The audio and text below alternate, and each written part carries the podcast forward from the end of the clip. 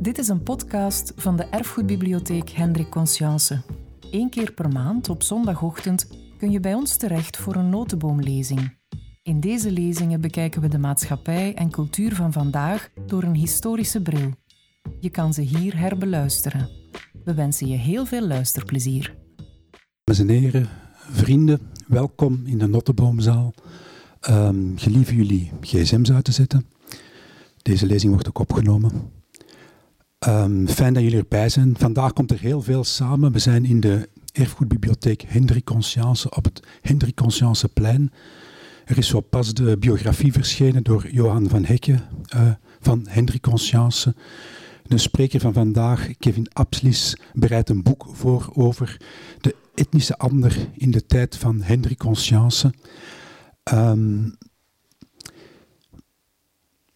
Kevin Abslis is hoofddocent Nederlandse letterkunde aan de Universiteit, uh, moderne uh, Nederlandse letterkunde aan de Universiteit Antwerpen.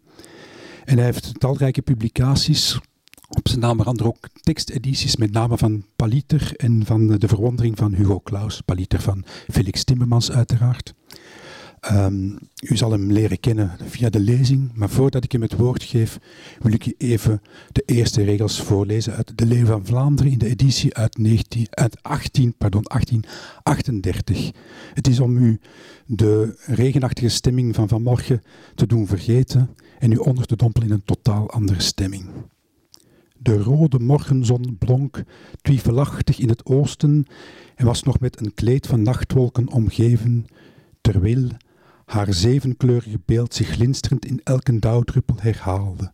De blauwe dampen der aarde hingen als een onvatbaar weefsel aan de toppen der bomen. En zo gaat de natuurbeschrijving nog enkele regels door en dan komen ze, een hoop ridderen, renden stilzwiegend door de velden van Roeselare. De kleding en de wapens deze ridderen waren zo kostelijk dat men binnen eerst een oogslag graven en nog hogere heren eronder gissen kon. Een ziedenkolder hing hun bezwiergevouwen om het lichaam, terwijl een verzilverde helm hun het hoofd met purperen en lazuren vederen bekroonde, hun handschoenen met ijzeren schelpen bedekt en hun met goud doorvrochte knieplaten blonken ook niet weinig bij het morgenlicht. En zo is onze fantasie helemaal op hol geslaan. Um, in hoeverre die dat dit fantasie is of echt wel um, gebaseerd op historische bronnen, dat gaat Kevin absoluut u allemaal heel erg duidelijk maken. Ik geef u graag het woord.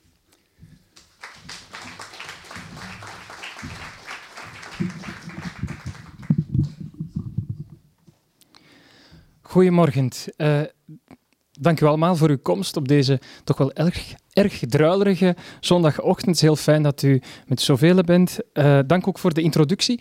Even technische vraag. Ben ik, ik ben goed verstaanbaar tot achterin? Ja. En voor de klank ben ik ook goed. Oké. Ehm, ja, bij die mooie introductie, de, uh, niet het deel dat over mij ging noodzakelijk, maar vooral dat mooie citaat uit het begin van de, van de Leven van Vlaanderen, moet u vooral ook bedenken dat die Conscience op dat ogenblik dus een jaar of 26 is, dat hij de zoon van een Franstalige vader is, hè, die ook in het leger van Napoleon heeft gevochten, een Fransman die naar hier was uitgeweken, en de zoon was van een ongeletterde uh, Kempische vrouw, en dat hij zelf maar ja, een aantal jaren naar school is kunnen gaan. Als je die context voor ogen neemt, dan ga je misschien iets minder snel denken van hm, wat een clichématige opening en wat een soort van schoolmeester of schoolopstelachtige sfeer ademt dat uit. Het is, het is een heel uh, bijzonder uh, fenomeen, Hendrik Conscience. En ik hoop er vandaag een aantal aspecten van, uh, van te kunnen toelichten. Dank dus voor uw komst. De, het verhaal dat ik vandaag ga brengen uh, is er eigenlijk gekomen dankzij een invitatie van mijn fijne collega Elisabeth de Bruin, die hier trouwens vandaag uh, ook is, en mijn collega van uh, Middel-Nederlandse letterkunde aan de Universiteit Antwerpen. En zij heeft me uitgenodigd om een ehm, essay te schrijven voor een boek dat heet Helden in Harnas, gedrukte ridderverhalen uit de 15e en 16e eeuw. En dat is eigenlijk ook een soort van catalogus of een begeleidend boek bij een tentoonstelling die hier op het einde van de maand zal openen. In, in de zaal waar u zich nu bevindt. Het is, vertelt me mij net, de laatste, een van de laatste dagen dat u hier zou kunnen zitten. Want vanaf volgende week, denk ik, begint men met de opbouw van die bijzonder fraaie tentoonstelling. En namens de Erfgoedbibliotheek nodig ik u nu al uit om die zeker uh, te bezichtigen. Ik ben zelf ook razend benieuwd.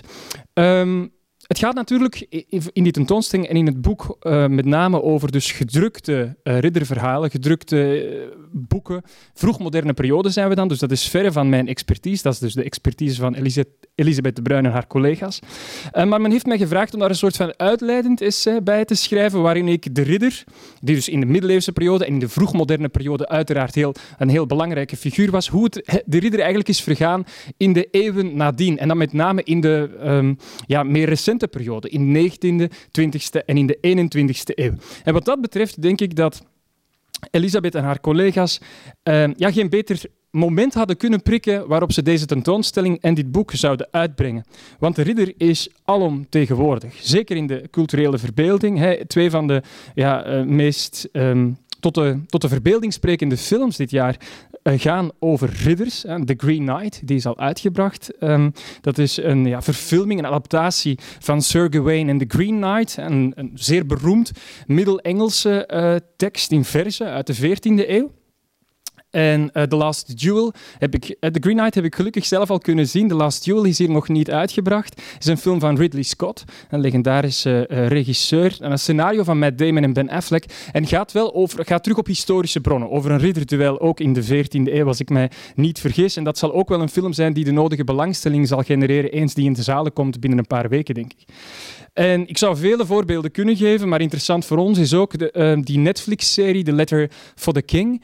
Um, die gebaseerd is op het uh, heel beroemde kinderboek van Tonke Dracht, Le uh, Brief voor de Koning. Hè, waar al een, uh, ik heb het eerste seizoen gezien. Ik denk dat er ook een tweede seizoen intussen al beschikbaar is of, of, of zal komen. Weet ik niet precies. Het, het is wel een heel vrije bewerking van, van, van de roman. Goed, wat ik eigenlijk wil aangeven is, de ridder is weer, weer alomtegenwoordig in onze culturele verbeelding. En als er jonge ouders in de zaal zijn, dan zal ik die niet moeten uitleggen dat je in de speelgoedwinkels, bij wijze van spreken, struikelt over de de ridderswaarde, de tabbaarden, gezelschapsspelen in de sfeer van, van de, ridder, eh, de ridderlijkheid en de middeleeuwen enzovoort. Dus dat is zeer uh, opvallend.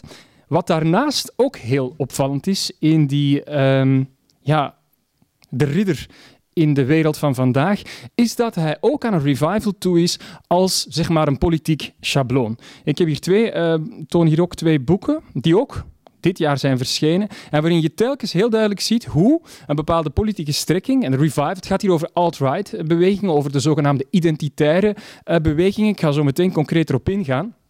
Maar dus veelal rechtse tot extreem rechtse reactionaire bewegingen, waar de ridder en riddersymboliek heel sterk leeft. Als een symbool, um, als, een, als een schabloon.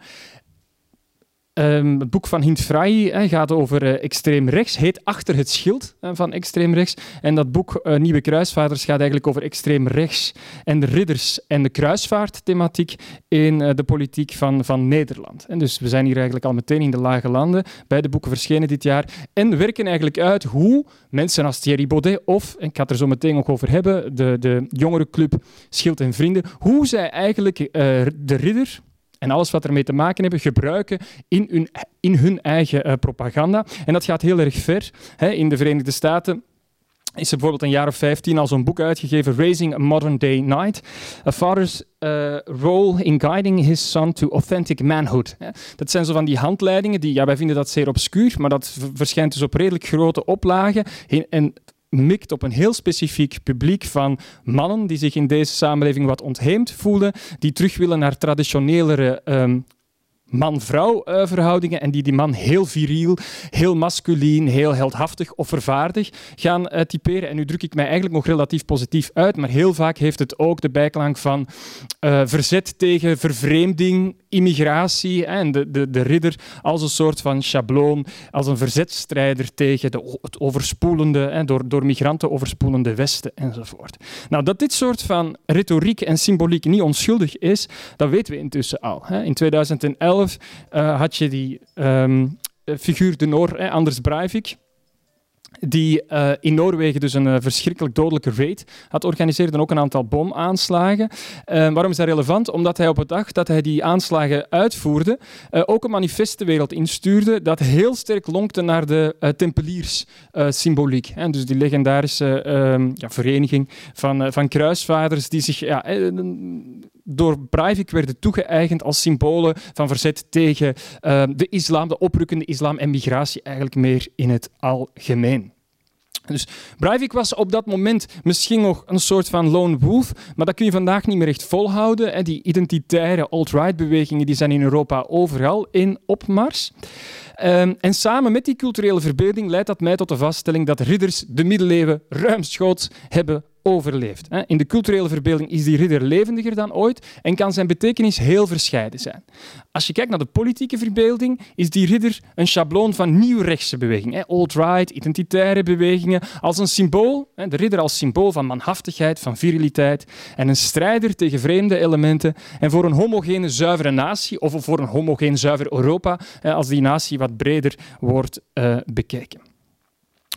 Dus dat is een heel erg interessante observatie die alleen de actualiteit mij al uitnodigt om die te maken en die laat zien hoe relevant het ook is om terug te gaan naar die geschiedenis, om te kijken van waar komt die betekenis van Drieder vandaan, hoe is die overgedragen via boeken enzovoort en hoe leeft dat vandaag verder. Dus dat is een beetje het verhaal dat ik ook vandaag wil uh, brengen. En ik zou even toe willen spitsen op die, ja, de meest beroemde, beruchte identitaire beweging hè, die in Vlaanderen de laatste jaren aandacht heeft gekregen, die zich helemaal inschrijft in die politieke recuperatie die rechtse, extreemrechtse recuperatie van de ridder heeft ingeschreven.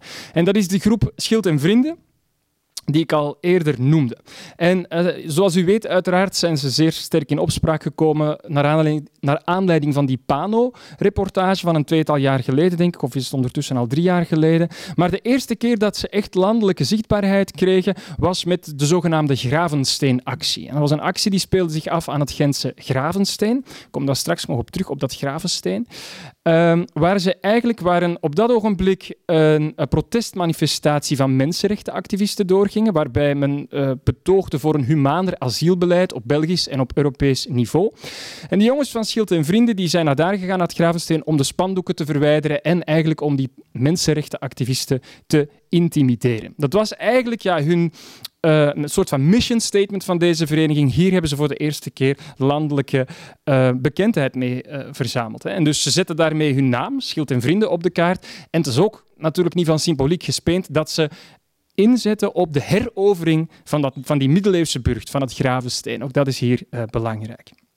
Als we dan wat uh, ja, van meer nabij gaan kijken naar die symboliek van Schild en Vrienden, dan zie je daar natuurlijk een soort van Superman-iconografie. maar los daarvan um, zie je de slogan Schild en Vrienden, die ook de naam is van de, uh, van de vereniging. En op hun t-shirts achteraan staat er, voor degenen die dat niet helemaal meteen kunnen plaatsen, sinds 1302. Als een soort van extra hint om die Schild en Vrienden goed uh, te situeren.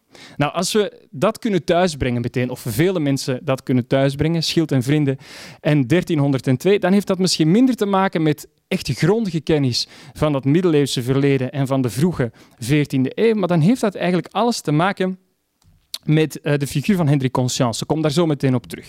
18 mei 1302 hè, waren de Brugse Metten, eigenlijk de Goede Vrijdagopstand. Die Brugse Metten dat is er later opgekleefd. En toen werd dat, uh, die strijdkreet, schild en vriend, uh, gebruikt door Brugse opstandelingen die het, uh, hun stad, dus Brugge, wilden heroveren op een Frans garnizoen dat daar gelegerd was uh, op bevel van ja, de Franse koning en die de leenheer was van het graafschap Vlaanderen. Schild en Vrienden functioneerde in die opstand als een shibboleth. En shibboleth is een soort van paswoord dat um, extra behulpzaam kan zijn omdat het degene die het paswoord moet zeggen um, duidelijk maakt of hij wel dan niet tot de talige groep behoort. Als je schild en vrienden, skild en vriend, als je dat niet goed kon uitspreken, dan kon de opstandige bruggeling zijn vijand, namelijk de Franstalige, identificeren en stand TPD en kopje kleiner maken. Dat is het idee. Um, dat is geen uitvinding van achteraf, dat staat eigenlijk al zo in de allervroegste bronnen over die uh, Brugse metten en de uiteindelijke Gulden Sporenslag, waar die Brugse metten een soort van opmaatje voor waren. En de Gulden Sporenslag, uh, die op 11 juli 1302 plaatsvond in Kortrijk, niet in Brugge, dat weet u allemaal. Uh, ook die Gulden Sporenslag is trouwens wel een begrip dat er pas achteraf op is gekleefd. Dat was militair overigens een zeer belangrijke veldslag. We hebben daar, daarom ook veel contemporaine bronnen, dus vrij recent bronnen die eigenlijk al recent uh, recent is het verkeerde woord natuurlijk, dus destijds, um, commentaren en verslagen van die uh, uh, veldslag. Oh, het is echt een beetje lastig als die gsm's niet... Misschien nu toch nog eens even nakijken, want dit wordt opgenomen en dat zit er elke keer mee in. En het leidt mij eigenlijk ook af. Dank jullie wel.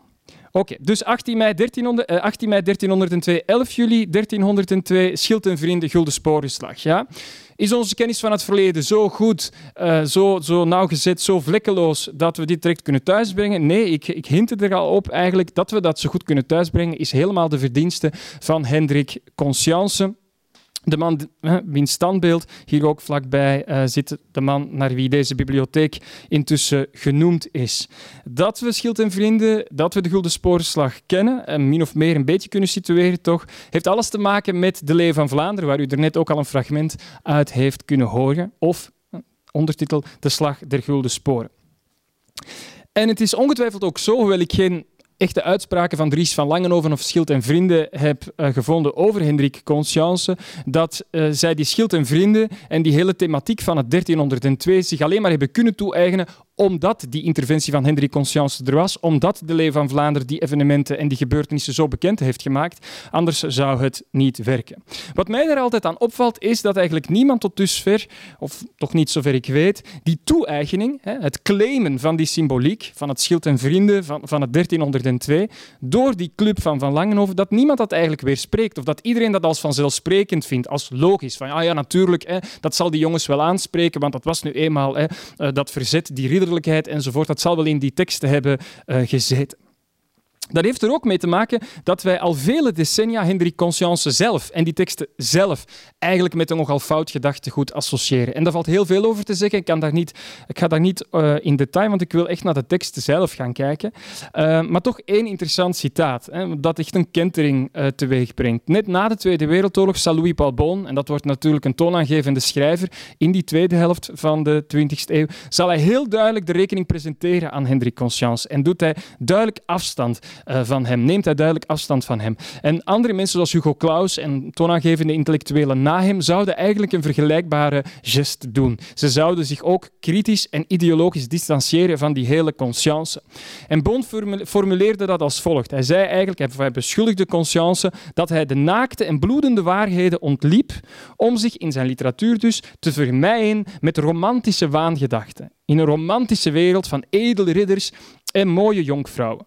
Zijn taal is de taal der oude ridderverhalen die de macht en het machtsmisbruik van de grootgrondbezitter, de leenheer en de roofridder bewierookten. En in die analyse van Boon, is een heel uitvoerig essay, en trouwens op 11 juli 1946 eh, verscheen, eh, als een politieke afrekening ook natuurlijk. Eh, voor Boon was dat een totaal verkeerd beeld van de middeleeuwen, dat dus door conscience was verspreid. En dat, zo zei hij ook, eigenlijk aan de basis had gelegen van de verspreiding van enge nationalistische gedachten. Ja. Dat is een idee van conscience dat dus al bestaat sinds de Tweede Wereldoorlog, na de Tweede Wereldoorlog. Dat is ook trouwens niet toevallig dat dat na de Tweede Wereldoorlog enzovoort. Ik weet niet of ik de tijd heb om daar uitgebreid bij stil te staan, maar ik kan u ook nu al aankondigen dat ik um, nog ongeveer 40 minuutjes zal, zal praten, maar dat er nadien ook tijd is om uh, wat vragen te stellen en op een en ander dieper in te gaan als u, dat, uh, als u daar belangstelling voor hebt. Als Boons visie klopt, en die visie is heel vaak herhaald, dan is het eigenlijk ook logisch dat een club als Schild en Vrienden zich aangetrokken voelt tot dat werk van uh, de Leeuw van Vlaanderen, tot die middeleeuwse symboolwereld die we leren kennen in de Leeuw van Vlaanderen. Maar dat is dus niet mijn uh, stelling. Mijn stelling is, voor één keer slaat Louis Paul Bon de bal mis. En daaruit volgt ook dat de toe-eigening van Consciences literaire universum door uh, onze Schild en Vrienden, dat die juist heel erg problematisch is. Dat is een, de, het weerleggen van, of, voor het uitwerken van deze stelling zal het eerste deel van mijn verhaal zijn. En dan zullen we zien of er nog veel tijd is om nog wat aan verdieping te doen. En die ook een verklaring te zoeken van hoe komt het dat het dan is misgegaan met die toe-eigening? Waarom is dat zo vanzelfsprekend gegaan? Dat is een beetje de tweede vraag. Kunt u nu al in uw achterhoofd houden. Maar dit zal het voornaamste deel van mijn verhaal zijn. Goed, laten we teruggaan naar de Leeuw van Vlaanderen.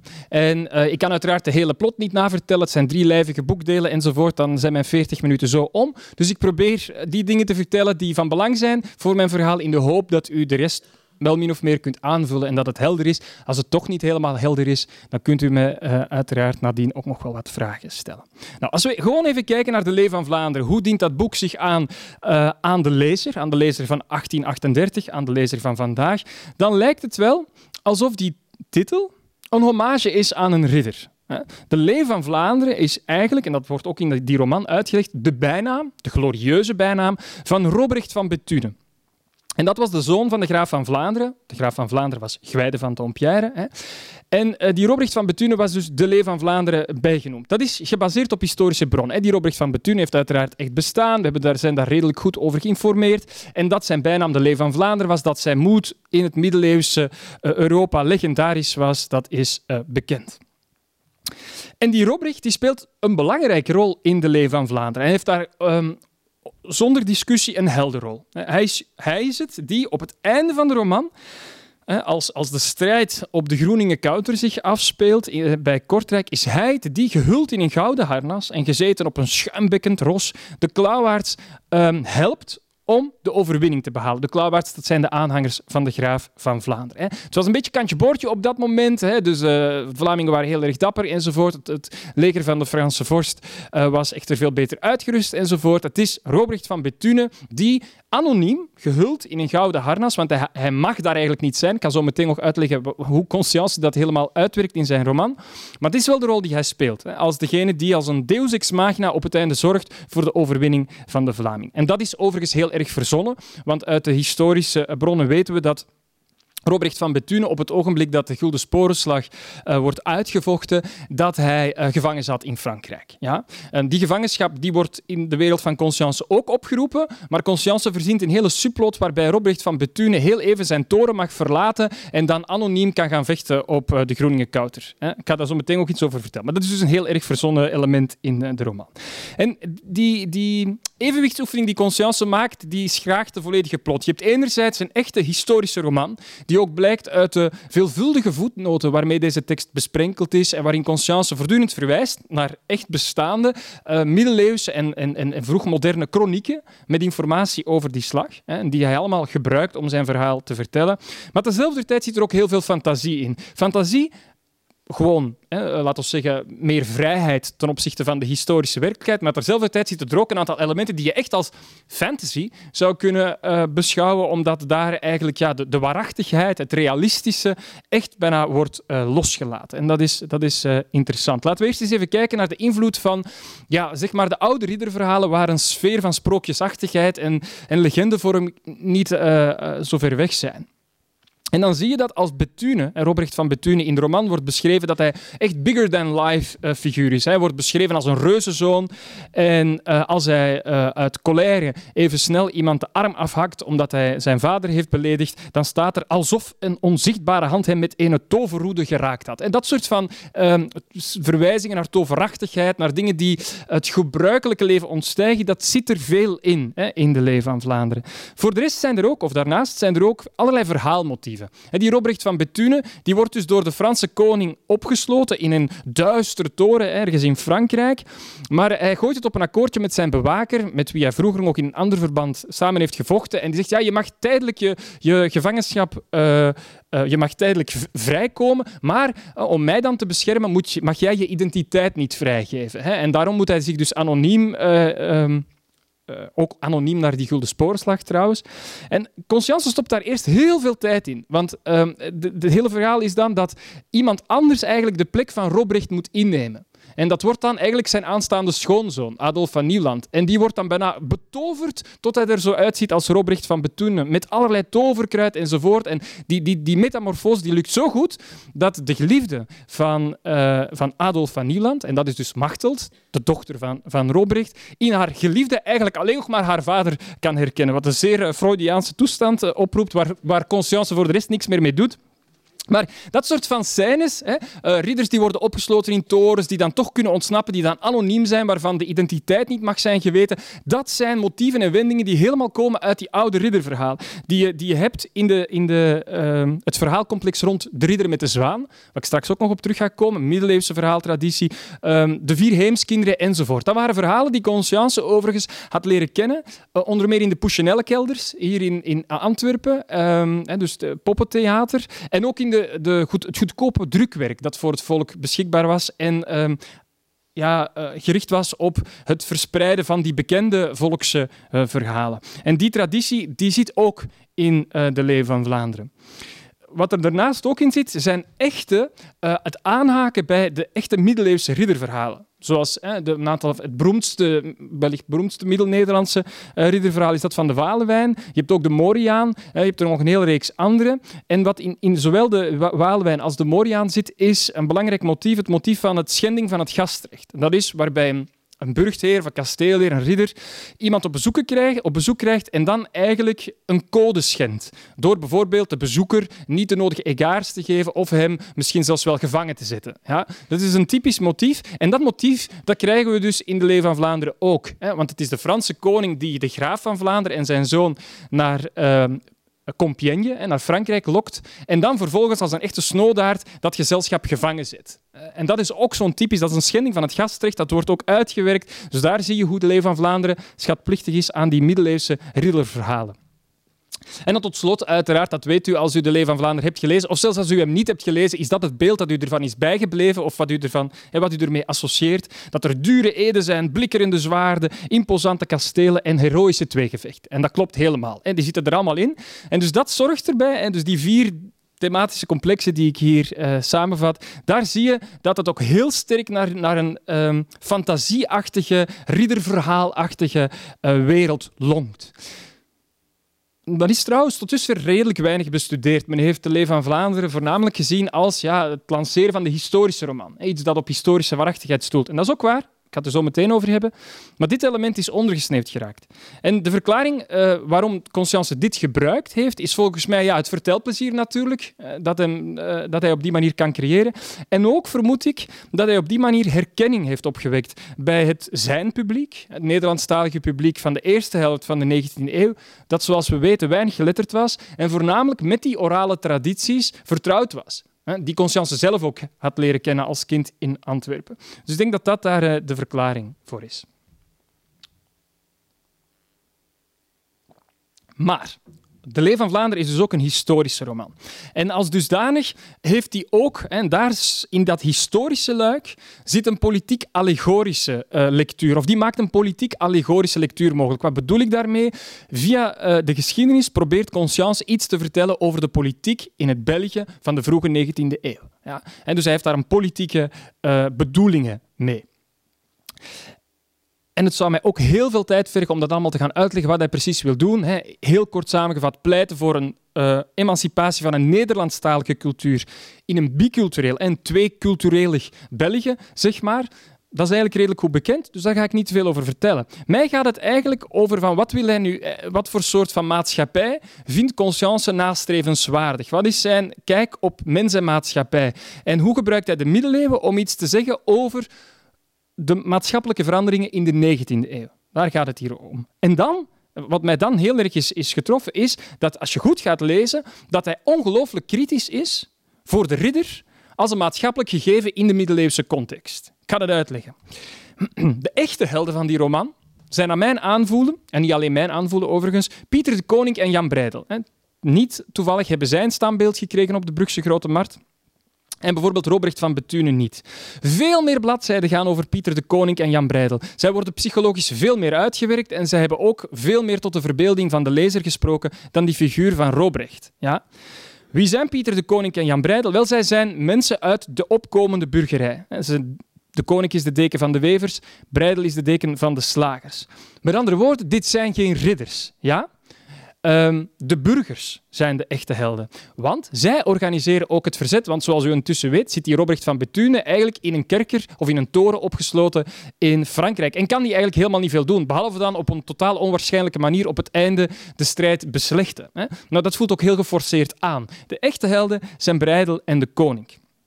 En als je gaat lezen wat Conscience allemaal schrijft over die feodale samenleving anno vroege 14e eeuw, dan is hij eigenlijk ook heel erg duidelijk. Ik ga een, uh, betrekkelijk willekeurig fragment voor het voetlicht. Hij schrijft in zo'n typische passage waarin de auteur of de, als verteller eigenlijk tussen beiden komt en voor de lezer gaat uitleggen van wat is er allemaal aan de gang. Hè. Voor enkele jaren, schrijft hij dan, hadden kostbare ridderspelen inlandse oorlogen en de verre kruisvaarten de meeste edelheren verarmd. Hierdoor werden zij genoodzaakt hun recht op steden aan de inwoners voor grote sommen te verkopen en hun vrijheden te geven.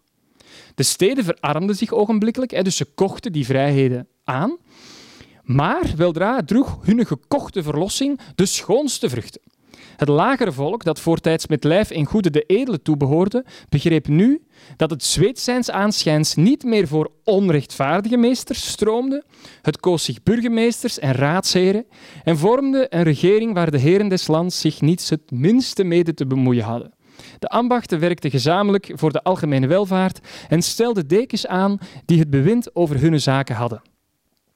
Dit is een, een heel erg rijke passage waarin Conscience heel snel, op heel kort bestek, eigenlijk laat zien waar hij zelf staat. Het beeld dat je hier krijgt van de adel, van de ridders, is er eigenlijk een van spilzucht, overdreven oorlogszucht en het investeren van heel veel middelen in wellicht niet zo heel erg nuttige kruisvaarten. Dat is wat we hier krijgen over ridders. Eh, we leren ook dat ze eigenlijk onrechtvaardig zijn, want ze zorgen ervoor dat de arme, gewone mensen eigenlijk ja, niet uh, het recht hebben. De arbeid, de vruchten van hun eigen arbeid gaan eigenlijk naar de adel, wat ook niet oké is, staat er hier. En wat is er wel oké? Wat wordt er hier duidelijk vanuit de coulissen van die roman toegejuicht? Namelijk dat hier de burgers individuele mensen zich economisch en politiek aan het emanciperen zijn. Dit is eigenlijk een beginnende democratie en een beginnende vorm van kapitalisme. En dat wordt toegejuicht in die roman. De feudaliteit zelf, die middeleeuwse standenmaatschappij, dat is een reliquie van een achterlijk verleden. Daar gaan we niet voor terug. Conscience schrijft niet over de middeleeuwen omdat hij nostalgisch is of omdat hij heimwee heeft voor die middeleeuwen. Hij wil juist laten zien hoe in die periode, in het Vlaanderen van de 14e eeuw, de kiemen ontstaan voor een moderne, kapitalistische, industriële, democratische samenleving. Daar is hij eigenlijk naar op zoek. Dat is wat hij toejuicht en dat is wat hij ook in de 19e eeuw toejuicht. Als hij contemporaine romans schrijft. Dus dat is een hele grote vergissing in die hele Conscience-receptie. Conscience heeft geen heimwee naar de middeleeuwen. Hij gaat daar naartoe om te laten zien hoe Vlaanderen aan de spits stond van de modernisering. En niet in een soort van paradijselijke blauwdruk van een nostalgisch, middeleeuws, perfecte uh, samenleving. Dat, dat is niet het beeld van de middeleeuwen dat hij schetst. En die roman heeft heel veel aanknopingspunten die mijn analyse, mijn veronderstelling ondersteunen. Ik ga er mij beperken tot één, hè, omdat ze ook wel geestig is. Uh, aan de vooravond van de Gulden Sporenslag komt ook een van de zonen, een andere zoon van de graaf uh, van Dampierre, die wel kan meevechten. Uh, en die komt eer betonen aan Jan de, uh, aan Pieter de Koning en Jan Breidel, aan die burgers die het verzet voor hem, voor, voor zijn vader, hebben uh, georganiseerd. Ja? En als dank voor hun inzet en hun trouw aan de graaf, komt hij met de grootst mogelijke eer die hij zich kan indenken in die middeleeuwse samenleving. Hij gaat Breidel en de koning tot ridder slaan. Ja? En dat wordt redelijk uitvoerig in die roman uh, beschreven. En Breidel en de koning die laten zich dat wel gevallen, want ze vinden het op zich wel fijn dat ze worden bedankt voor bewezen diensten. Maar het vervolg daarvan is heel symptomatisch. Breidel, hè, dus, uh, dat is de, de, de muscles hè, in de roman. De, koning, dat is de brain. En uh, Breidel, dat is, dat is uh, de krachtpatser. Die zegt eigenlijk zoveel als... Ik, hè, want dat is het gevolg. Je wordt tot ridder geslagen, dan krijgen ze officieel een zwaard en een harnas. En dat waren natuurlijk de strijdmiddelen die voorbehouden waren voor de ridders. Ja? Maar dat betekende ook dat Breidel dus de strijd zou moeten aangaan in dat harnas en met dat zwaard. En dat ziet Breidel helemaal niet zitten. En hij zegt, ja, ik kan mij in dit harnas helemaal niet verroeren. En die helm weegt op mijn hoofd dat ik mijn hals niet bewegen kan. Ik verzeker u dat ik mij in die ijzeren kerker, daarmee bedoelt hij dus zijn harnas, als een gebonden kalf zou laten doodslagen. Maar dit harnas zal u voor de zwaarden van de Fransen bewaren, bemerkte een ridder. Ja, maar, viel Breidel uit, ik heb dit in het geheel niet nodig. Wanneer ik vrij ben met mijn pijl in de vuist, dan vrees ik niets. Waarlijk, ik zou daar in een schone houding staan, zo stijf en zo beschaamd. Nee, nee, nee, nee. Mijn heren, ik wil dit voor geen goud aan mijn lijf. En vervolgens gooit hij die, dat harnas weg, zijn bijl, eh, pakt hij zijn bijl en gaat hij in zijn blote past de Fransen een kopje kleiner maken komisch, hè, vermakelijk enzovoort, maar symbolisch heel betekenisvol. Wat Breidel eigenlijk zegt is van ja, al die, die ijdeltuiterij en die, die, dat chicdoenerij, dat, dat interesseert mij helemaal niet. Ik wil eigenlijk vrij zijn, ongebonden. Ik, ik laat mij door die symboliek van de, van de ridderwereld eigenlijk helemaal niet doen. Ik ben iemand helemaal anders. Hier sluimert natuurlijk ook dat idee van een gewone Vlaming die nooit naast zijn schoenen gaat lopen enzovoort. Dus het is ook wat dat betreft heel interessant. Maar politiek is dat wat er aan de hand is. En Breidel wordt wel tot ridder geslagen, maar hij wil zich helemaal niet als ridder gaan gedragen. En hij vindt dat allemaal poespas hè, en, en hinderlijk. Een laatste uh, symbolisch element en dat helpt om, om dit goed te begrijpen, is de frontispice en ook de publiciteit die gemaakt werd rond de Leeuw van Vlaanderen in 1838. Ja? Daar staat helemaal geen ridder op. Dat zou je misschien verwachten. Als de Leeuw van Vlaanderen een eerbetoon was aan Robrecht van Bethune, dan zou je denken, wauw, sexy cover met een stoere ridder, met zwaarden, harnas enzovoort. Maar dat is helemaal niet zo. Wat krijgen we in de plek? We krijgen een echte leeuw. Er lopen geen leeuwen rond hè. in het 14e eeuwse, uh, middeleeuwse Vlaanderen, voor alle duidelijkheid. De leeuw is hier een allegorisch symbool. En dan moet je je afvragen, waar staat het dan symbool voor? Wel, naar mijn aanvoelen verwijst dit veel meer dan naar de moed van één ridder, naar de moed van het Vlaamse volk. Dat vertegenwoordigd wordt door Breidel en de koning. Dus het is een allegorische figuur. Het gaat hier over de moed van het Vlaamse volk, niet over die ridder. Ja. Of toch veel minder over die ridder. En ik ben daar zeer van overtuigd van deze analyse, omdat eigenlijk die analyse keer op keer terugkomt in alle historische romans die Conscience nadien ook zou schrijven. Hij is daar heel standvast, standvastig liever in geweest. En ik zou verschillende voorbeelden kunnen geven, maar ik beperk me tot Jacob van Artvelde, een historische roman die hij schrijft of publiceert in 1849. Ook al een standbeeld heeft gekregen op de Vrijdagmarkt in Gent.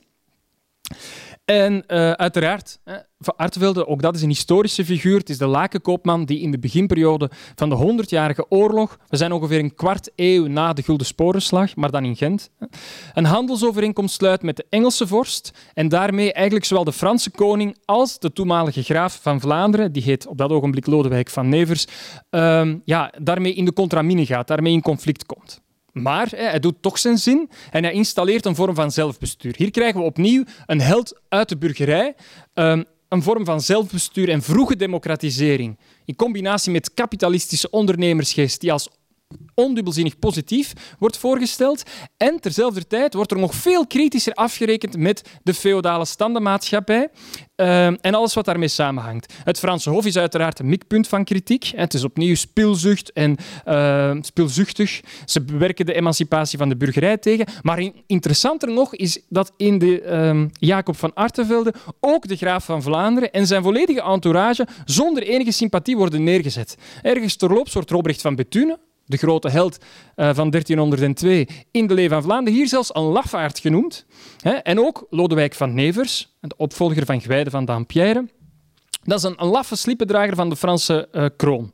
Omhooggevallen reactionaire ridder die de groeiende macht van de steden alleen maar aan banden wil leggen. En dat zijn dus de slechteriken hier. Dus dat bevestigt a fortiori eigenlijk uh, mijn, mijn lectuur van de Leeuw van Vlaanderen. En het is heel erg geestig om te gaan kijken naar hoe het gravensteen, ik had dus net gezegd van onthoud dat, want dat komt nog terug, hoe het gravensteen in Jacob van Artevelde wordt geportretteerd en wordt neergezet. Ja, dat, is, dat, is, de residentie van de graven van Vlaanderen. En in die roman functioneert dat dus hè, als een symbool van die positie van die graven van Vlaanderen in Consciences roman hè, komt dat in beeld op een ogenblik dat Jacob van Artvelde daar wordt um, ja, op het appel geroepen. Hij moet daar naartoe, hij moet met Lodewijk in, in debat gaan, hè, hij moet dat conflict gaan uitpraten. En hij wandelt daar naartoe door de mooie stad van Gent, hè, die dus overal aan het uh, floreren is, economisch, onder zijn bewind. Maar op het ogenblik dat hij daar komt aan dat gravensteen, dan bekruipt hem het gevoel teruggetoverd te zijn naar tijden van knechtschap des volks en van verdrukking, waarvan het aandenken in de nijverige Vlaamse gemeente reeds eeuwen was vergaan. Dat is het symbool van het gravensteen voor Hendrik Conscience. Een reliquie van feodale achterlijkheid, waar een aantal eh, potentaten zit die niks te maken hebben met de opkomende burgerij en alles wat eigenlijk het volk van Gent wel kan gebruiken. ik voeg er nog één ander fragmentje aan toe uit diezelfde roman, want ook dat is heel symbolisch. Onder Artevelde die dus zijn zin doet los van wat de adel wil, begint Gent te floreren. En het grote symbool van dat floreren is een grote internationale jaarmarkt die opnieuw kan worden georganiseerd in Gent. Daar komen niet alleen mensen uit Brugge en, en, uit, en uit, Limburg enzovoort, uit, maar mensen uit de hele wereld. Ze komen zelfs zo ver dat ze komen van uh, Klein-Azië, en van, uh, van de Maghreb. En uh, er zijn dus ook mensen, uh, Moren worden ze genoemd in de roman, um, die daar met hun kamelen naartoe komen, met hun koopwaren dus uit uh, de Maghreb en uit het, uh, wat we vandaag Turkije uh, zouden noemen. En dan krijg je een verbroederingsscène tussen Vlaamse helden, van die Vlaamse koop kooplieden, en zo'n man uit, ehm, uit Afrika is dit zelfs, want deze moor komt uit Sub-Sahara-Afrika. Goed, dat doet er nu allemaal niet zo heel erg toe. En dan krijg je een boodschap van internationale en culturele verbroedering. Die, die moor die wordt geknuffeld en dan luidt het, in het vrije Gent zijn alle mensen broeders, wit of zwart, het doet er niets toe enzovoort enzovoort. Dus migratie wordt hier zelfs voorgesteld als een vanzelfsprekend gunstig bijeffect van um, ondernemersgeest, van uh, economisch uh, welslagen en economische bloei. allemaal vergeten als het vandaag over Hendrik Conscience gaat, want wij denken allemaal dat die jongens van de Schild- en Vriendenclub um, de, de, oprechte erfgenamen zijn van Hendrik Conscience. Maar wat zij doen staat compleet haaks op wat Hendrik Conscience heeft geschreven. Het Gravensteen is in de optiek van Hendrik Conscience helemaal niet een soort van gebouw dat je moet gaan redden van uh, mensenrechtenactivisten. En in tegendeel, als je kijkt naar wat hij eigenlijk schrijft over de etnische ander, dan zie je dat hij met heel veel clementie, waardering, belangstelling en sympathie voor de etnische ander uh, schrijft. Dus als je alleen al kijkt naar Artevelde, de tekst Jacob van Artevelde, dan zie je hoe dat haak staat op die propaganda en die ideeën van die jongeren die dus het nodig vinden om het Gravensteen te heroveren. Ja, ik hoop dat dit ondertussen um, helder is. Het belangrijkste uh, deel misschien wel van mijn betoog. Als ik dit al heb mee kunnen geven, dan ben ik al heel erg uh, tevreden. Dus dat je ziet dat hoe vandaag over conscience wordt gesproken en gedacht, hoe zijn symbolen vandaag worden geassocieerd, dat dat niet strookt met hoe, wat hij 200 jaar geleden in zijn eigen teksten schreef. Ik heb bergen bewijsmateriaal, dit is een kleine selectie van het materiaal waar ik mee bezig ben, maar ik hoop dat dit het meest verhelderende is.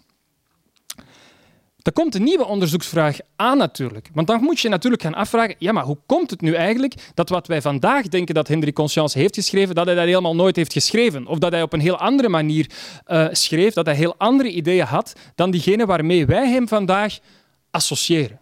Dat is ook een eh, heel erg interessante en relevante vraag. Hoe komt het dat het werk van Conscience zo eenzijdig, of misschien zelfs wel ronduit verkeerd begrepen is geraakt?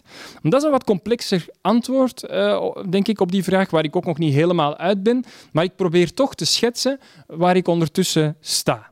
Ik denk dat het te maken heeft met culturele en politieke betekenissen die aan het schuiven gaan. De ridder die in de vroege 19e eeuw, in dat werk van Hendrik Conscience, maar eigenlijk internationaal ook, bij iemand als Walter Scott, ik hoop dat ik daar straks nog iets kort iets over kan zeggen, dat hij een heel specifieke betekenis heeft en dat die betekenis begint te schuiven vanaf zeg maar 1850. En dat blijft schuiven tot uh, de Tweede Wereldoorlog. Uh, dat ga ik nog kort uitwerken.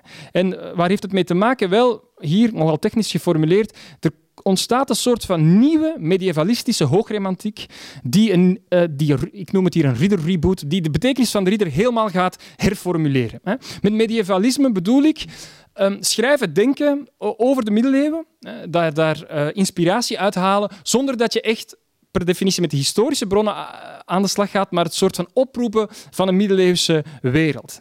Dat doet Conscience, dat doet Scott natuurlijk ook, maar in de tweede helft van de 19e eeuw gebeurt dat op een heel andere uh, manier. En ik zal proberen uit te leggen wat er dan aan de hand is. Ik ga twee voorbeelden geven uit Europese kunst en cultuur. Het eerste is de Pre-Raphaelite Brotherhood. Die ontstaat in 1848 en met name um, schilders en kunstenaars in zich verenigt, die, uh, zoals Miller, uh, Dante Gabriel Rossetti, Burne Jones, Hunt enzovoort, is een hele um, uh, groep van schrijvers en kunstenaars, vooral schilders, beeldhouwwerk, architecten ook, een aantal denkers die daar ook mee worden geassocieerd, zoals John Ruskin enzovoort. Um, dus het is een heel belangrijk intellectueel-artistieke beweging, die ook in heel Europa navolging en invloed heeft. En uh, wat wil die uh, beweging doen? Wel, ze gaat terug naar de esthetiek van voor de Renaissance. Dus zij wil ondubbelzinnig de esthetiek van de middeleeuwen um, in herstellen. Raphaël wordt dan als een soort van symbool van de renaissance-kunst. Pre-Raphaël, we willen terug naar de periode van voor Michelangelo, ik neem aan dat, eh, van voor Raphaël. Ik neem aan dat het dus vlotter bekte dan de pre-Michelangelo's of zoiets. Uh, dus het gaat hier over, dat is de betekenis daarvan. En wat zit daaronder, of wat zit daarmee in dat pakket? Een sterke nostalgie naar de periode van de middeleeuwen. Ik heb er net heel duidelijk laten zien dat Conscience eigenlijk geen nostalgie heeft naar die middeleeuwen. Wel, die zit hier wel in. Waarom? Omdat men daar een vorm van idyllische gemeenschapskunst uh, meent te kunnen ontdekken. Uh, omdat men terug probeert te streven naar een zekere mate van ambachtelijkheid. Uh, dat men gaat koketteren met zuiverheid en ridderlijkheid, de code uh, van, van, de hoofdse, van de hoofdse ridder. En dat heeft te maken met een sluimerende onvrede over de opkomende industrialisering en misschien wel meer in het algemeen de opkomst van de moderniteit. Heel kort samengevat is dat. En dit is ook maar één beweging, je zou veel meerdere namen kunnen noemen. Maar je ziet wel dat dit gebeurt en dat dat ongeveer rond uh, de helft van die 19e eeuw plaatsvindt. En mij lijkt het ook geen toeval dat op dat ogenblik ook op het vlak van de muziek. En niet alleen het vlak van de muziek, want Wagner was echt was een cultureel icoon zonder weerga. We kunnen ons dat vandaag moeilijk voorstellen dat iemand met opera's dermate grote intellectuele en culturele impact had op heel Europa. Maar zijn, zijn opera's dat waren uh, evenementen zonder weerga. Die hadden een ongelooflijke impact. En hij had al um, een aantal opera's uh, geschreven en laten opvoeren enzovoort. Maar in 1850 schrijft hij, of laat hij beleefd Lohengrin, uh, een van zijn beroemde opera's, zijn première. Dat was geschreven in de jaren daaraan voorafgaand. En hij volgt dat op met andere bekende opera's zoals Tristan en Isolde, uh, de, de tetralogie, dus de vierdelige uh, cyclus van de Ring der Nibelungen, en dan zijn sluitstuk Parsifal. Al die opera's spelen zich af in een medievalistische wereld. Soms zijn er historische contexten die redelijk concreet zijn, maar heel vaak zit er een heel stuk magie en fantasy enzovoort, en is het een soort van ja, recreatie van een middeleeuwse verbeelding? Of is het de middeleeuwse verbeelding die men naar zijn hand zet? En gaat het niet meer echt over een concrete historische belangstelling voor die periode? wat je bij Wagner eigenlijk ziet, is een voorafname van wat wij vandaag in de cultuur ook nog kennen, ehm, in die medievalistische werelden, zoals van Tolkien of Game of Thrones. Dat soort van medievalisme. Daar is eigenlijk waar Wagner uh, aan de bakermat van staat. En Tolkien heeft trouwens voor... Uh, The Lord of the Rings, dat is, echt volledig geplunderd. Hè? De Ring des Nibelungen, dat, dat, is, is zeer sterk daarop ge, gekalkeerd. Goed, maar dat is dus Wagner. Nou, Wagner is een heel complexe figuur en ik ben absoluut geen Wagner-deskundige, maar ik moet hem toch wel mee kunnen bestuderen om die hele conscience-verhaal helder te krijgen. En als ik het heel snel mag samenvatten, dan is die ridder ook een moreel en een politiek schabloon in dat werk van Wagner. Maar krijgt hij hele andere connotaties dan in dat werk van Conscience of ook een tijdgenoot als Walter Scott tussen haakjes. Waar gaat die ridder voor staan? Voor zuiverheid, voor discipline. Voor trouw, voor extreme offervaardigheid. En wat er ook zeker in dat werk van Wagner bij komt, kuisheid en christelijke vroomheid. En die Parsifal, dat is een halve Christus-figuur, of misschien zelfs wel een hele Christus-figuur. Um, en uiteindelijk krijg je een soort van ridder als superheld die zijn privégeluk ondergeschikt maakt aan een hoger ideaal. En dat is uh, meestal ook hè, een vrouw, maar meestal ook meer allegorisch, meer in het algemeen, het geluk van de volksgemeenschap, waar die ridder het voorop neemt. En hij put daarbij overigens uh, voornamelijk uit de Arthur-epiek. Zeker Lohengrin en uh, Parsifal. Uh, Lohengrin is de zoon van Parsifal en dus allebei zitten ze in die verhalencyclus, Europese verhalencomplex rond de Graalridder en de Graalridder-thematiek. Maar dat zijn wel redelijk specifieke betekenissen hier. Bovendien krijg je ook, en dat is een heel, heel gevoelig en, en moeilijk uh, onderwerp, maar mede door Wagner wordt ook het antisemitisme, uh, het wetenschappelijk, of min of meer zogenaamd wetenschappelijk, uiteraard antisemitisme gelanceerd in die tweede helft van de 19e eeuw. Ook dat begint rond Lohengrin. In hetzelfde jaar als Lohengrin zijn première beleeft, publiceert Wagner zijn uh, virulent antisemitische pamflet over het jodendom in de muziek. Dat later een heel grote intellectuele en culturele en ook politieke invloed zou hebben.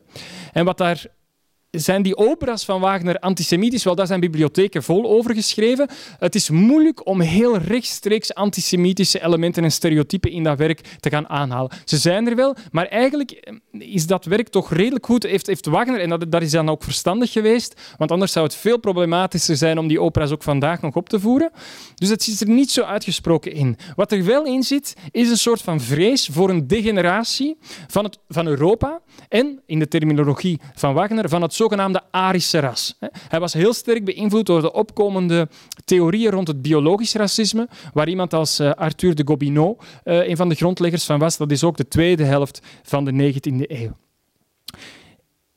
ik beroer het allemaal met enige omzichtigheid en gewoon een beetje de contouren te trekken zonder al te zeer in detail te gaan. Maar dit is wel de sfeer hè, waarin die ridder via Wagner belandt in de tweede helft van de 19e eeuw. Je kunt die ridder bij Wagner nog geen racistische figuur noemen, laat staan een proto-nazi enzovoort. Maar je ziet wel dat wat Wagner doet, een prelude vormt of het gemakkelijker maakt voor mensen die na hem komen, die op die manier met de ridder aan de slag willen gaan. En dat is ook wat er zou gebeuren uiteindelijk in Nazi-Duitsland. En je weet dat Adolf Hitler een ongelooflijk grote fan was eh, van Richard Wagner, dat die opera's in het kraaiennest van de kanon van Nazi-Duitsland zaten op cultureel gebied. En er zijn ook een aantal frappante portretten van Hitler, waarin hij in de voetsporen zichzelf in de voetsporen laat treden van Lanslot of daar rechts in beeld Parsifal.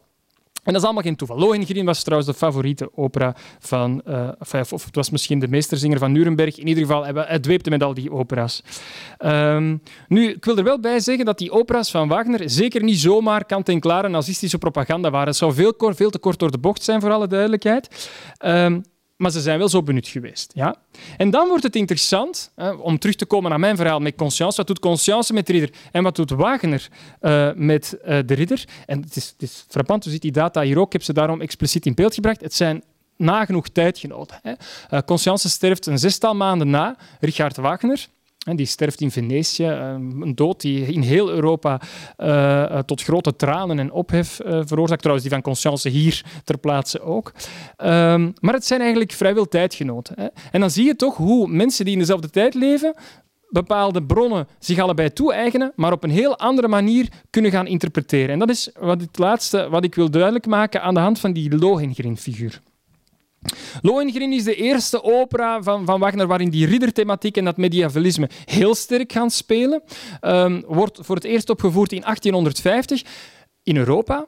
Ik weet niet meer precies, ik denk dat het in Parijs was. Wordt voor het eerst opgevoerd in België in 1870. 22 maart 1870, première in de Muntschouwburg. En dat was een evenement zonder wega. Als u op Belgica Press, de gedigitaliseerde kranten van de Albertina-bibliotheek in Brussel, gaat kijken, dan ziet u dat de meeste kranten daar dagenlang op de voorpagina over aan het schrijven, over, over aan het schrijven zijn. De beelden die ik hier trouwens heb toegevoegd zijn niet uit die première, voor alle duidelijkheid. Het zijn uh, beelden van Lohengrin en Lohengrin-figuren uit de Vlaamse opera's die uh, meestal in de 20e eeuw, uh, eerste helft van de 20e eeuw zijn uh, gemaakt. Goed, waarover gaat die Wagner's Lohengrin? Heel kort. Het speelt zich af in Antwerpen, eerste helft van de 10e eeuw. Antwerpen maakt deel uit van het hertogdom Brabant, dat deel uitmaakt van het Duitse Rijk. Er is een troonopvolgingskwestie. Er is een hertog gestorven en de troonopvolger, Godfried heet hij, is verdwenen. En de zus van de troonopvolger, Elsa, die wordt dus van moord bedacht, want zij heeft natuurlijk een motief hè, om de troonopvolger uh, om het leven te brengen. Maar dat is niet wat er is gebeurd. Hè. En uh, op het ogenblik dat Elsa eigenlijk uh, bijna terechtgesteld wordt, komt er een mysterieuze zwaanridder om de eer van Elsa te redden. En hij uh, vraagt een godsgericht aan. Dat wil zeggen dat hij eigenlijk zegt van ik ga strijden tegen uw dapperste krijger en als ik hem versla, dan is het de wil van God en dan is de eer hersteld. Dat was een beetje een alternatieve manier om aan rechtspraak uh, te doen. En dat uh, wordt ook zo geregeld en die Lohengrin wint dat gevecht. Nu, ik zeg Lohengrin, maar zo heet hij daar niet. Het is een zwaanridder die er ook heel sterk op staat dat zijn naam en afkomst niet geweten mag zijn. Ook Elsa mag hem niet vragen naar zijn naam en afkomst. Ja? En dat zorgt natuurlijk voor ondraaglijke spanning. En op een bepaald ogenblik, mede omdat er ook allerlei intriges spelen, komt zij toch in de verleiding om aan haar, ondertussen is ze ermee getrouwd, hè, met, de, met die zwaanridder te vragen van ja, maar wie bent u nu eigenlijk? En dan zegt hij ja, hè, u hebt het nu toch gevraagd, ik zal het dan maar zeggen. Ik ben Lohengrin, de zoon van de graalridder Parsifal. Maar nu u dit weet, moet ik terug vertrekken. En vervolgens is hij uh, uh, jammer genoeg terug weg. Samengevat is dat uh, waar Lohengrin over gaat. Wagner verzond dat niet helemaal zelf. Hij is heel concreet uh, teruggegaan op de Parsifal-epiek, zoals we die kennen via Wolfram von Essenbach, uit de 12e, 13e eeuw. En dat maakte zelf weer deel uit van een ja, Europees verhalencomplex rond Parsifal en de Zwaanridder. Dus rond die graalridder-thematiek. Uh, Ridderbeeld van Wagner in die Lohengrin zie je dat die Lohengrin al ook opnieuw bigger than life is. Hij is ongenaakbaar dapper, extreem offervaardig, hij is eervol trouw, actief, ruw, waakzaam. Daartegenover staat Elsa, een wat twijfelachtigere vrouw, die uiteindelijk door intriges toch maar in de verleiding komt om dat te doen wat de ridder eigenlijk had gevraagd om dat niet te doen. Zij is oké, maar zij is zacht, week, beïnvloedbaar, meegaand. Hè. Uh, au fond goed, hè, maar vatbaar voor intriges. dat is natuurlijk niet goed. En dat speelt zich, dat is ook niet onbelangrijk, het speelt zich allemaal af tegen de achtergrond dat het Duitse Rijk, waar dat hertogdom Brabant van deel uitmaakt, bedreigd wordt door de Hongaren. Dus een bedreiging van buitenaf. En dus uh, Wagner gebruikt dat verhaal ook om een bombastische en martiale nationalistische boodschap mee te geven. Hè.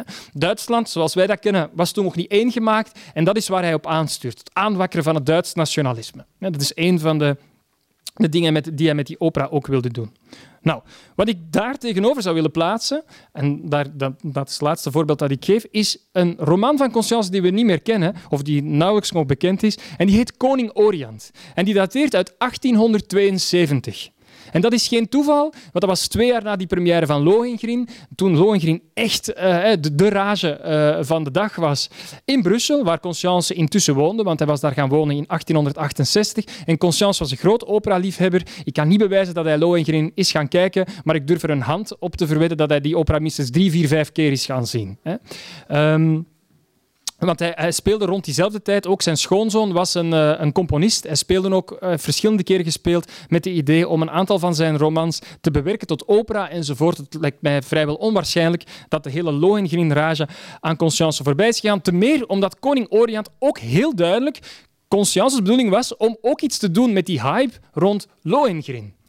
Maar hij kiest een wat andere uh, invalshoek. Ook deze roman put uit het middeleeuwse verhalencomplex rond de Zwaanridder. Hij is hier eveneens een graalridder, maar hij heet niet Lohengrin, hij blijft naamloos.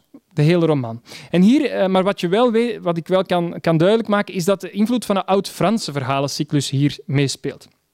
De Cycle de la Croisade. Um, maar dat doet er voor de rest nu niet zo heel erg uh, toe. Maar zo zie je ook maar hoe die, ja, die verhalen ook telkens worden heruitgevonden en weer leiden tot andere spin-offs enzovoort. Doet allemaal een beetje denken aan het Marvel-universum vandaag de dag, met al die superhelden die dan weer in elkaars films beginnen op te duiken enzovoort. Dat is een beetje wat er daar ook aan de hand is. Dit is echt geen historische roman meer. Behalve het concreet situeren in dat hertogdom Brabant, speelt fantasy, zoals we dat vandaag zouden definiëren, geeft dat echt de toon aan. Er is ook niet echt een directe politiek-ideologische lectuur meer, zoals die in de Leeuw van Vlaanderen of Jacob van Artvelde duidelijk wel de inzet was van Hendrik Conscience. Dan heb ik nog ja, die plot van koning Oriant misschien heel snel. Hè. Koning Oriant uh, uh, zit eigenlijk heel sterk in de invloedssfeer van Matta Bruna. En dat is zijn uh, moeder.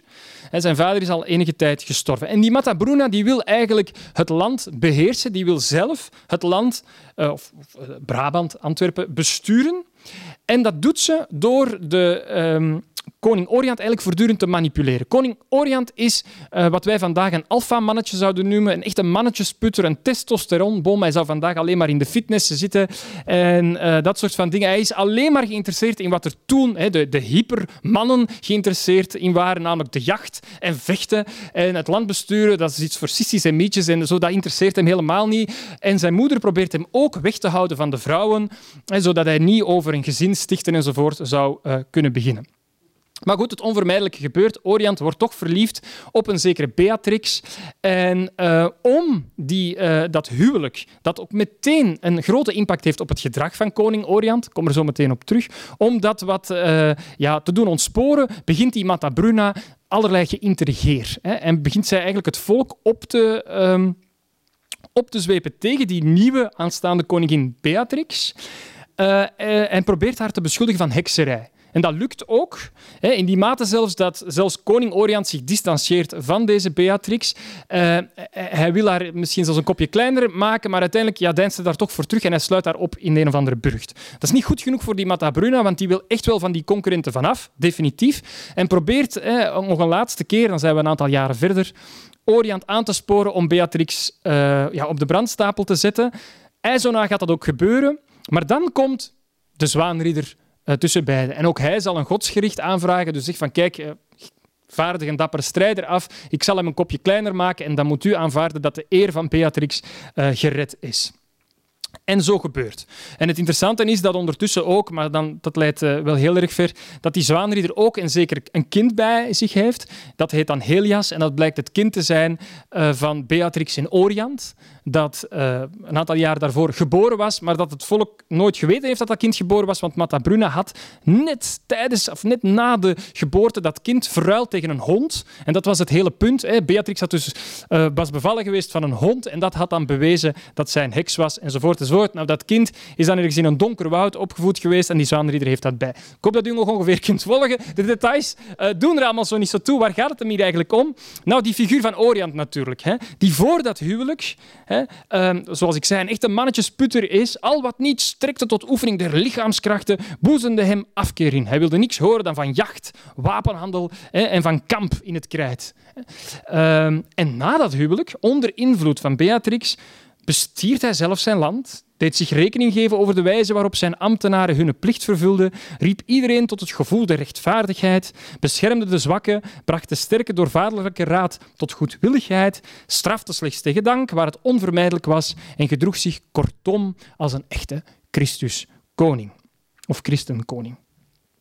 De les hier, er is niet echt een grote politiek-ideologische lectuur, maar het zegt wel wat over gender en over hoe, wat, wat Conscience vond van hoe een echte man zich diende te gedragen. Conscience presenteert hier de rekening aan de eeuwige vechtersbaas. aan die testosteronrijke alfamannetjes, die deugen niet. Een echte man, en dat is een beetje de, de, de karakterontwikkeling die Orian ook ondergaat, die moet ook vrouwelijke, zorgzame aspecten in zich uh, weten te, te, te cultiveren zeg maar. En in Conscience's roman, ook dat is interessant, is het de vrouw, Beatrix, en de liefde ervoor die de man tot inzicht en inkeer brengt. Ja? De vrouw is hier eigenlijk meer de held, zij die het echte inzicht paart en die koning Orian tot inzicht brengt, en niet andersom.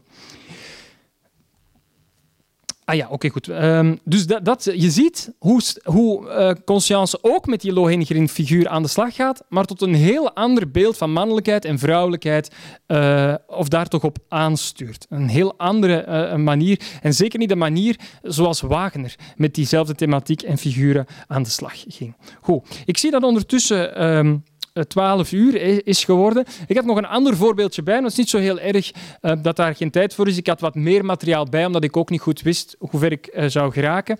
Maar er zijn ook een aantal sleutelteksten in dat werk van Conscience, waarbij je kunt gaan peilen van hoe dacht en schreef hij dan over um, de Joodse ander. Hè? En zie, je daar bijvoorbeeld sporen van antisemitisme, zoals dat via Wagner in de hele Europese cultuur uh, verspreid geraakt. En ook daar is mijn antwoord heel kort samengevat: nee, integendeel. Er zit een bepaald soort van joodsvriendelijkheid in zijn literatuur.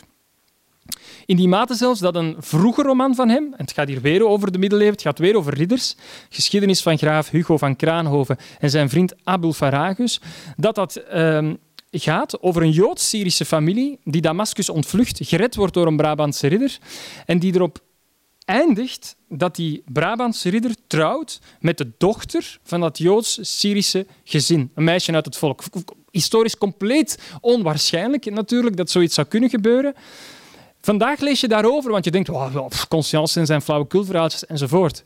Maar in 1845 eh, liever nog maar de retorische mogelijkheid openhoudt dat een Vlaams-Brabantse ridder huwt met een Joods-Syrische meisje, ze is wel bekeerd tot het christendom, tot daar gaat het wel, maar dat is vrijwel ondenkbaar.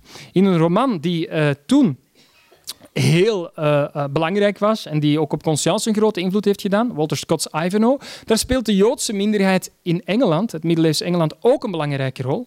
En misschien zelfs wel de mooiste rol in die roman is weggelegd voor Rebecca, de, de Joodse uh, vrouw die ook Ivanhoe verzorgt, die ook duidelijke liefdegevoelens voor hem koestert. En die liefde is zelfs wederzijds, waar natuurlijk een bijna ondraaglijke spanning, een Engelse ridder met een Joodse vrouw enzovoort.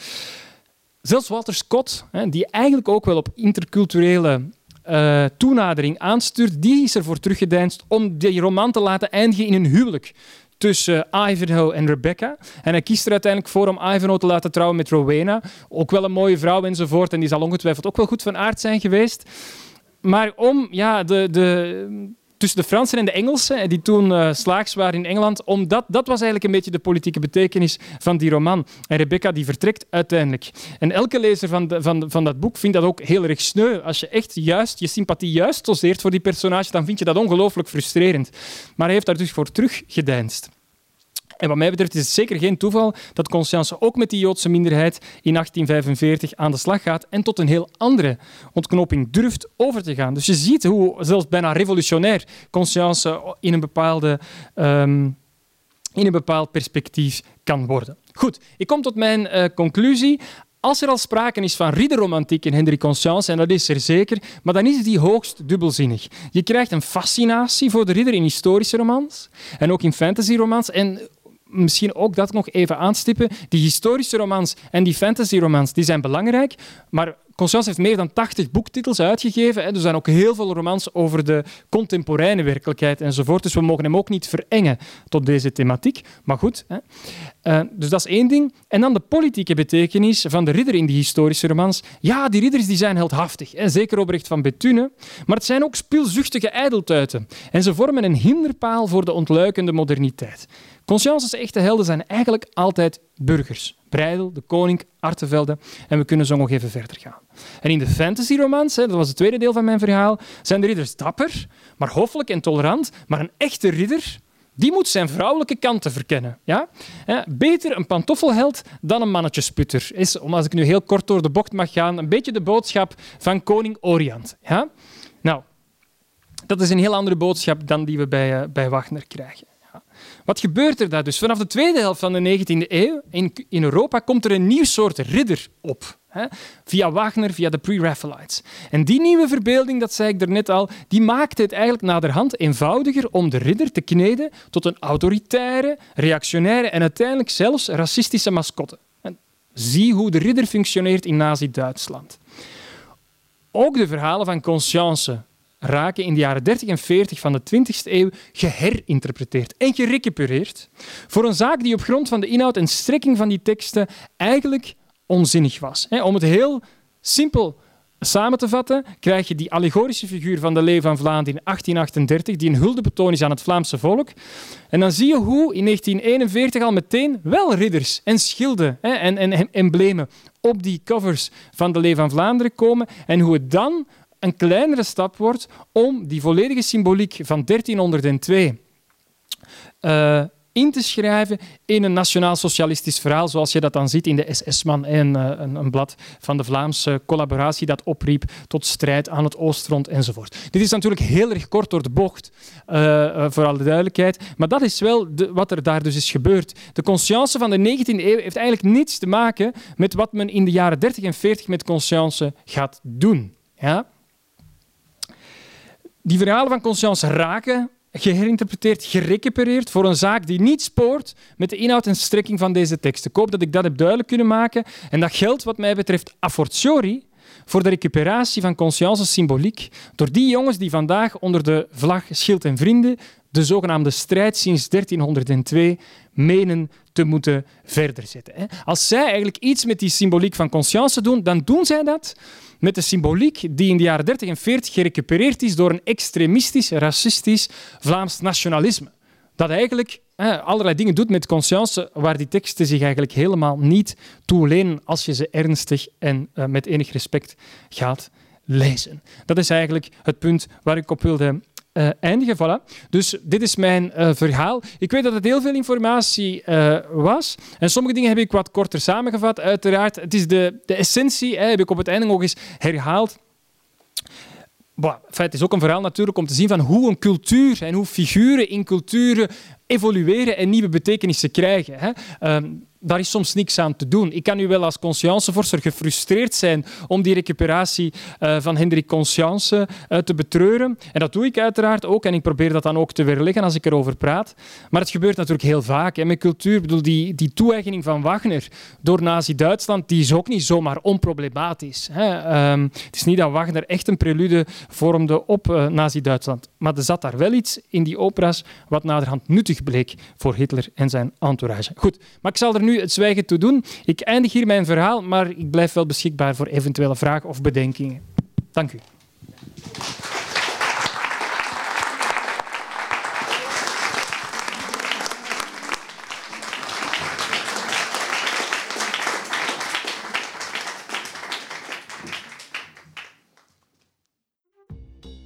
Je luisterde naar een podcast van de Erfgoedbibliotheek Hendrik Conscience.